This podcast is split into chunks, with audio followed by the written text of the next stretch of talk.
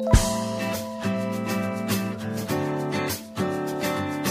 Halo chillers, apa kabarnya? Adam Pratama udah siap lagi nih nemenin lo untuk ngomongin film di podcast Cine Talk dan di episode kali ini menjelang akhir dari Februari biasanya ada satu festival film yang ditunggu-tunggu banget yaitu Plaza Indonesia Film Festival. Ini adalah perhelatan yang diselenggarakan di dalam mall ya, Plaza Indonesia. Dan di sini biasanya kalau yang gue lihat-lihat sih line up filmnya selalu keren-keren. Termasuk untuk perhelatan tahun ini karena kalau gue lihat-lihat nih Plaza Indonesia Film Festival kan diselenggarakan di akhir Februari yaitu di 25 Februari sampai 28 Februari. Temanya sendiri adalah Colors of Love. Jadi yang gue ambil di sini, yang gue dapatkan ya, gimana caranya Plaza Indonesia Film Festival bisa memutarkan film-film yang bisa mendeskripsikan kecintaan dalam hal apa pun. Berwarna jadinya tuh. Nah, kira-kira dalam hal apa aja sih Makanya gue coba lihat film-filmnya dan wah nggak kalah seru sih dibandingkan dengan yang tahun lalu. Karena di sini kita bisa ketemu sama film-film dari Indonesia ada, dari Asia ada, ya Korea ya, terus ada dari Hollywood juga, ada dari Eropa. Jadi cukup lengkap nih film-filmnya dan pastinya kalau tipikal film festival itu film-film yang diputar bisa jadi adalah film-film yang nggak rilis di sinema-sinema komersil. Makanya Plaza Indonesia Film Festival itu juga diincar sama banyak orang. Nah, seiring dengan berkembangnya waktu dan juga berkembangnya festival tersebut, gue lihat ini animo masyarakat semakin lama semakin tinggi nih sama Plaza Indonesia Film Festival. Tapi sayangnya menurut gue festival ini memang masih terbatas ya. Jadi kalau misalkan lo aware sama ini festival harus siap-siap banget karena tiketnya tuh cepet banget habis pernah suatu hari di Plaza Indonesia Film Festival 2019 ya. Tahun lalu. Ada yang bilang di twitternya Cinemania kalau Plaza Indonesia Film Festival itu adalah festival atau acara yang tiketnya itu lebih cepat habis dibanding konser John Mayer. Ada yang bilang sampai kayak gitu. Dan memang bener tiketnya tuh cepet habis. Jadi tahu-tahu lu udah waiting list gitu kan. Jadi harus memang cepet-cepet dipesan. Gue sendiri waktu itu gue nggak sengaja ngeliat Twitter at Sinemuah dia bilang kalau dia ngetek semua film. Yang penting dia tag dulu. Nggak tahu deh dia ada waktu atau enggak karena kan itu bertepatan dengan waktu kantor ya weekdays. Cuman dia tag dulu. Terus gue penasaran lah. Udah dibuka ternyata. Gue langsung bangun gitu ya. Tadi kan awalnya lagi tidur gitu. Gue bangun. Udah nggak ada waktu untuk males-malesan lagi udah nggak ngantuk lagi langsung nggak beler lagi. Pokoknya gue harus pesen gue harus dapet ini tiketnya Plaza Indonesia Film Festival. Itu jam berapa? Jam 4 subuh. Jam 4 subuh tuh gue bangun. Untung gue bangun gitu kan kayak melek-melek ayam gitu. Ngerti gak sih? Kayak ya pengen ngecek HP tahu-tahu ada berita kalau linknya Plaza Indonesia Film Festival dibuka. Ya udah gue booking dan alhamdulillah dapat nih. Jadi gue sama Jenny bakal berangkat ke sana untuk nonton film-filmnya. Cuman ya itu mungkin karena tempatnya juga terbatas kali ya di mall terus juga di bioskopnya Plaza Indonesia. Jadi nggak semua studio itu bisa digunakan untuk festival. Cuman ya mesti dikaji ulang sih karena semakin lama gue rasa animo untuk Plaza Indonesia Film Festival semakin tinggi. Karena apa? Karena film-film pilihannya tuh nggak pernah salah. Jadi hal tersebut mungkin mesti dipertimbangkan sama pihak panitia. But so far gue suka banget sama line up-nya dari gue pertama kali tahu ini festival sampai sekarang. Nah, kira-kira nih di tahun ini line up-nya ada apa aja gue mau kasih tahu dulu. Jadi Plaza Indonesia Film Festival 2020 diselenggarakan tadi dari tanggal 20 sorry 24 ternyata. 24 sampai 28 Februari. Di tanggal 24 ada La Dolce Vita dari Federico Fellini. 25 Februari ada Mountain Song dari Yusuf Raja Muda ini kalau nggak salah sempat diputar juga di Jogja Netpack ya Terus ada Monos dari Alejandro Landes juga tanggal 25 Februari. Di tanggal 26 Februari ada film The Science of Fictions dari Yosef Angginun di jam 7 ya. Dan di jam 9-nya ada System Crasher dari Nora Finchite juga diputar di tanggal 26 Februari 2020. Berikutnya kita masuk ke tanggal 27 ini yang diputar, wah ini kayak klasik nih. Ada yang beneran klasik, ada yang film modern tapi ditampilkan secara klasik Ada The Lighthouse dari Robert Eggers Februari 27 di jam 7 malam dan di jam 9 malam ada Eight and a Half dari Federico Fellini. Kemudian di tanggal 28 Plaza Indonesia Film Festival udah rame nih dari jam 5 sore karena ada JAF Selection Asian Shorts. Ini tanggal 28 Februari ya tadi gue udah bilang di jam 7-nya ada House of Hummingbird. Wah dari Borakim dan di jam 9-nya sebagai film penutup ada Honeyland dari Tamara Koteska dan Yubomin Stepanov. Nah dari film-film itu kira-kira mana nih yang pengen lu tonton atau mungkin lu udah dapet tiketnya, lu mau nonton Fellini mungkin bisa. Ini ada juga film Indonesia Mountain Mountain Songs, terus juga ada The Science of Fiction banyak lah. Tapi dari line up yang diputar nih kan ada berapa nih? Ada 10 ya. Gue akan kasih lo 4 film yang menurut gue outstanding dari line up PIF tahun ini. Yang pertama pasti ada jagoan dari Indonesia yaitu Science of Fictions karya Angginun. Ini dikisahkan tentang seorang pemuda yang hidupnya berubah setelah melihat pengambilan gambar moon landing oleh kru film asing di pantai Parangtritis. Kemudian si pemuda tersebut dipotong lidahnya. Wow, sadis juga ya. Tapi di sini gue rasa Angginun itu bukan tipe sutradara yang kayak lebih komersil enggak sih menurut gue dia lebih suka membuat film dengan cerita-cerita yang next level lah istilahnya gitu. Termasuk di science of fiction karena di sini kita lihat ada moon landing terus juga ada potong lidah terus di sini juga settingnya di tahun berapa nih? 60-an ya kalau nggak salah ya. Gua rasa ini akan sedikit menyinggung mengenai sejarah. Dan jika dikaitkan dengan Colors of Love itu gue jujur sampai sekarang sih sampai ini direkam gue belum dapat gimana cara relate-nya. Cuman kalau misalkan dari sinopsis menurut gue ini sesuatu yang menarik. Karena siapa tahu dari film science of fiction Angginun ingin menyentil sesuatu yang belum pernah tersentil Nah, di film ini juga kita bisa ngelihat beberapa prestasi. Dia sempat diputar juga di Jogja Netpack kemarin 2019. Terus mendapatkan special mention di Locarno Film Festival 2019. Premier juga di Busan International Film Festival 2019 dan juga menjadi film pilihan Tempo di tahun 2019. Itu ya. Jadi kalau untuk film Indonesianya, gue sih pilihnya Science of Fictions. Dan gue rasa Plaza Indonesia Film Festival itu kan juga menjadi tempat premier juga bisa ya untuk film-film lokal. Jadi gue harapkan setelah diputar di Plaza Indonesia Film Festival, Science of Fiction ini nggak perlu waktu lama lagi untuk bisa diputar secara reguler di bioskop-bioskop Indonesia. Amin. Next kita punya The Lighthouse. Ini adalah film yang diputar pada tanggal 27 Februari jam 7 malam disutradarai oleh Robert Eggers yang sebelumnya menyutradarai film The Witch tahun 2015. Ingat gak Beb The Witch? Yang ada kambing Philip. Nah, itu The Witch sendiri dia film horor yang nggak biasa juga sih menurut gue treatmentnya sinting ya dan ini salah satu major hit waktu di Sundance tahun 2015 yang lalu dan sekarang Robert Eggers kembali dengan The Lighthouse sinting juga sih ceritanya kalau gue lihat ya yaitu tentang dua penjaga merkusuar di pulau misterius mereka tuh terisolir nih berdua doang lu bayangin dari dunia luar di tahun 1890-an dan berusaha untuk mempertahankan kewarasan cintaannya. Gila ini.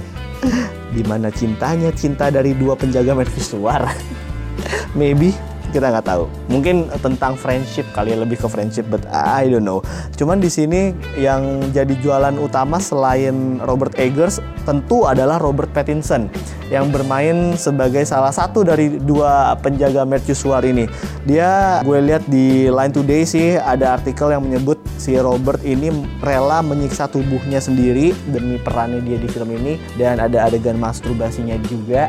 Jadi buat cewek-cewek mungkin ya yang berpikiran liar sabar dulu tenang control yourself ya. Karena di sini uh, memang Robert Pattinson ingin lebih total dalam bermain film. Dan kalau ngomongin soal aktor ini setelah dia itu berperan di Twilight sebagai Edward Cullen gua rasa Robert Pattinson tuh ingin mengembangkan karir aktingnya lebih jauh lagi jadi dia tuh suka ikutan acting dari film-film indie gitu film-film yang lebih festival banget. Nah, salah satunya itu The Lighthouse ini.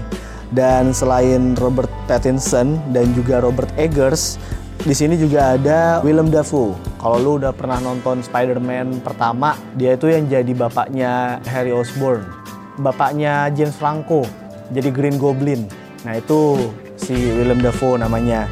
Uh, nanti dia dan Robert Pattinson akan beradu acting dan siapa yang lebih gila di situ ya kita nggak tahu. Cuman di sini memang dua-duanya patut diantisipasi. Terus kalau gue lihat dari trailernya, selain ini adalah film hitam putih, si The Lighthouse ini juga memiliki aspek rasio yang nggak lazim, berbeda dengan aspek rasio film yang biasanya. Di sini gue jadi keingetan Son of Soul, itu film yang berlatarkan Nazi dari Hungaria dia menang uh, international film feature film di Oscar dan juga menang di Cannes ya dapat palem emas waktu itu. Jadi gue keinget sama film tersebut. Aspek rasionya tuh bukan ini persegi panjang gitu. Dia lebih kotak. Itu berapa banding berapa gue nggak tahu persisnya. Gue harus lihat buku dulu.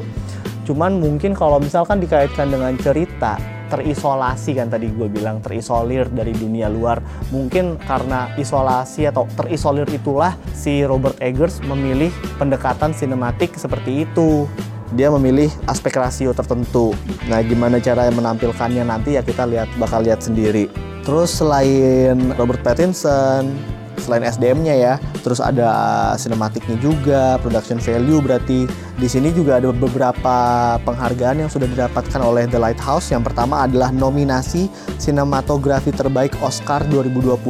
Jadi memang sudah qualitative ya dan untuk Oscarnya film-film indie yaitu Spirit Awards 2020 film ini mendapatkan banyak penghargaan yaitu aktor pendukung terbaik bagi William Dafoe sinematografi terbaik bagi Jarin Blasch Terus untuk nominasinya ada aktor terbaik buat Robert Pattinson, sutradara terbaik untuk Robert Eggers dan juga dapat editing terbaik itu jadi kalau misalkan lo mau ngeliat seberapa gilanya si Robert Pattinson ini sebelum berperan sebagai Batman di filmnya Matt Reeves mungkin lo bisa cek The Lighthouse di Plaza Indonesia Film Festival. Apakah film ini akan diputar secara reguler di Cinema XX1 atau uh, di jaringan bioskop lainnya? Gue rada sanksi sih. Mungkin karena ada adegan masturbasi. But anyway, kita lanjut ke film berikutnya ada House of Hummingbird. Ini pilihan gue yang ketiga nih dari Korea Selatan, negara yang baru saja memenangkan Oscar lewat film Parasite. Tapi percaya nggak percaya, House of Hummingbird tuh bisa istilahnya jadi lawan sepadan untuk Parasite. Kita bakal bahas sekarang nih. Jadi uh, House of Hummingbird bakal diputar di tanggal 28 Februari 2020 jam 7 malam ceritanya tentang lika-liku kehidupan seorang remaja cewek yang namanya Eun Hye di latar kota Seoul yang sedang berkembang pesat di tahun 1994. Eun Hye sendiri dia dituliskan tuh gak mendapatkan perhatian dari orang tuanya sehingga dia selalu mencari rasa manis di mana pun ia berada seperti burung kolibri. Oh makanya di sini judulnya Hummingbird, kolibri ya. Oke, okay, I see. Nah, kalau ngomongin soal uh, filmnya sendiri, ini adalah salah satu film yang sudah mencuri perhatian gue sebenarnya dari tahun 2019 lalu karena ada beberapa film Korea yang outstanding di tahun tersebut selain Parasite ya ada Extreme Job ya kan dari film komersilnya terus ya ini House of Hummingbird itu mewakili film indinya. Jadi ini memang film indie tapi walaupun film indie, film ini bisa menembus 100 ribu penonton. Lu bayangin, 100 ribu penonton itu menurut gue sesuatu yang sulit sekali untuk diraih oleh film dengan budget kecil, film dengan ya semangat indie seperti House of Hummingbird loh ini aja deh Parasite aja waktu itu waktu masih belum menang Oscar ya. Itu walaupun udah digembar-gemborin sama banyak orang sama filmmaker filmmaker itu tetap waktu gue lihat hasilnya menjelang akhir perilisan regulernya di Indonesia itu masih ada di angka hampir menyentuh angka ratusan ribu gitu. Jadi memang sesuatu yang bagus sekali ketika ada film indie lokal gitu ya di Korea Selatan sana yang bisa menembus angka 100 ribu penonton. Itu daebak banget. Nah, kalau kita melihat dari penghargaan film internasional House of Hummingbird mendapatkan Grand Prix for Best Feature Film 16th Berlinale International Film Festival Generation 14 Plus. Nah, ini adalah section untuk youth oriented films dan Berlinale itu adalah salah satu festival film yang sangat diperhitungkan di seluruh dunia. One of the major film festival di sepanjang tahun gitu dan sekarang mereka baru mulai nih yang edisi 2020. Jadi kita lihat siapa-siapa aja, film-film apa aja yang mencuat dari sana. Terus setelah dari Berlinale ada juga mendapatkan oh ini dari lokalnya nih Best Screenplay 14th Blue Dragon Film Awards dan di sini mereka mengalahkan Parasite. Jadi House of Hummingbird itu adalah film indie dapat nominasi screenplay terbaik lawannya Parasite yang berhasil mendapatkan original screenplay di ajang Oscar ngerti gak kayak what? Jadi ini gimana penilaiannya? Gue nggak tahu. Cuman itu sesuatu prestasi yang luar biasa sih. Sebuah film indie bisa mengalahkan skrip dari film yang tentu lebih diunggulkan dan di Oscar mereka mendapatkan skrip terbaik. Jadi ya lu bisa mengharapkan sesuatu yang sangat tinggi dalam aspek naratif House of Hummingbird ini. Karena mereka menang 14th Blue Dragon Film Awards. Dan ngomongin soal Blue Dragon ini bisa dibilang adalah Oscarnya Korea. Jadi kalau misalkan di seluruh dunia tuh memang ada Oscarnya gitu. Misalkan kalau di Indonesia ada FFI kalau di Spanyol ada Goya kalau di Korea ada Blue Dragon kalau di Prancis itu penghargaannya kalau nggak salah ada kalau Caesar Awards uh, Caesar Awards gue lupa. Itu apakah Prancis atau di negara lain. Cuman memang ada. Terus juga ada yang regional juga kan misalkan film-film Eropa gitu atau film Asia. Itu ada juga. Misalnya film Asia Tenggara yang dilaksanain di Malaysia itu itu juga bisa termasuk yang regional. Cuman tetap yang paling tinggi adalah Academy Awards Oscar gitu Terus untuk penghargaan berikutnya ini yang dari Jogja Netpack 2019 ya. House of Hummingbird juga rilis di sana, diputar di sana dan memenangkan Golden Hanuman Awards yang merupakan penghargaan tertinggi di Jogja Netpack 2019. So don't miss it, House of Hummingbird by Bora Kim. Nah terakhir ini gue ngangkat film dokumenter guys. Jadi udah feature film kita bahas, black and white film kita bahas, dari Indonesia kita bahas, dari Korea, Hollywood kita bahas, ini dari Eropa dan bentuknya dokumenter. Judulnya adalah Honeyland yang disutradarai oleh Tamara Kotevska dan Liubomir Stefanov. Buat yang mau nonton langsung aja datang ke Plaza Indonesia Film Festival di tanggal 28 Februari 2020 jam 9 malam. Jadi mungkin kalau lu udah punya tiket terusan ya, jadi habis lu nonton House of Hummingbird di jam 7, lu bisa langsung ngantri lagi untuk nonton Honeyland di jam 9 gitu. Enaknya sih gitu ya kalau film festival lu bisa ngantri terus cuman memang strugglingnya tuh ketika lu berusaha mendapatkan tiketnya gitu. Makanya jangan kelewatan. Nah kalau ngomongin soal Honeyland nih jadi film ini bercerita tentang seorang bee hunter terakhir di Eropa jadi dia merekam bagaimana perjuangannya dan bagaimana dia harus menyelamatkan dan mengembalikan keseimbangan alam ketika ada peternak nomaden yang datang menyerang dan mengancam mata pencahariannya. Ya mungkin kalau bee hunter itu bisa diartikan sebagai peternak lebah kali ya. Film ini mewakili Makedonia Utara di ajang Oscar. Lo udah pernah dengar belum Makedonia Utara? Nama negara tuh. Kalau gue taunya Makedonia doang yang Alexander the Great. Tapi kalau Makedonia Utara gue jujur baru baru tahu sih gue ini. Ini layaknya gue baru tahu nama negara Trinidad Tobago waktu gue nonton Piala Dunia 2006 jadi memang ini sesuatu yang jarang ya tapi hebat sekali gue salut pastinya ya. Menjadi perwakilan dari Makedonia Utara dan masuk ke nominasi finalnya. Dan gak cuma satu tapi dua nominasi final di Oscar 2020 Honeyland masuk di nominasi film dokumenter terbaik Oscar 2020 dan International Feature Film Oscar 2020. Jadi gue rasa nih dan gue harap semoga aja Honeyland setelah diputer di Plaza Indonesia Film Festival itu bisa diputer juga di festival berikutnya yaitu Europe on Screen. But we don't know because we don't have any information about the list of the movies.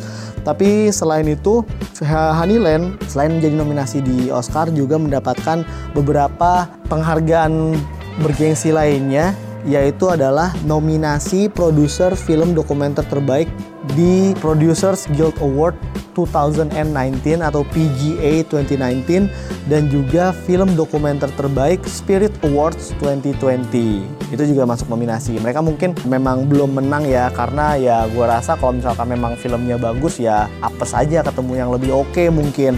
Tapi seenggaknya di sini gue salut banget karena mereka berhasil menceritakan sesuatu yang lebih real dan pendekatannya juga tentu lebih real ya.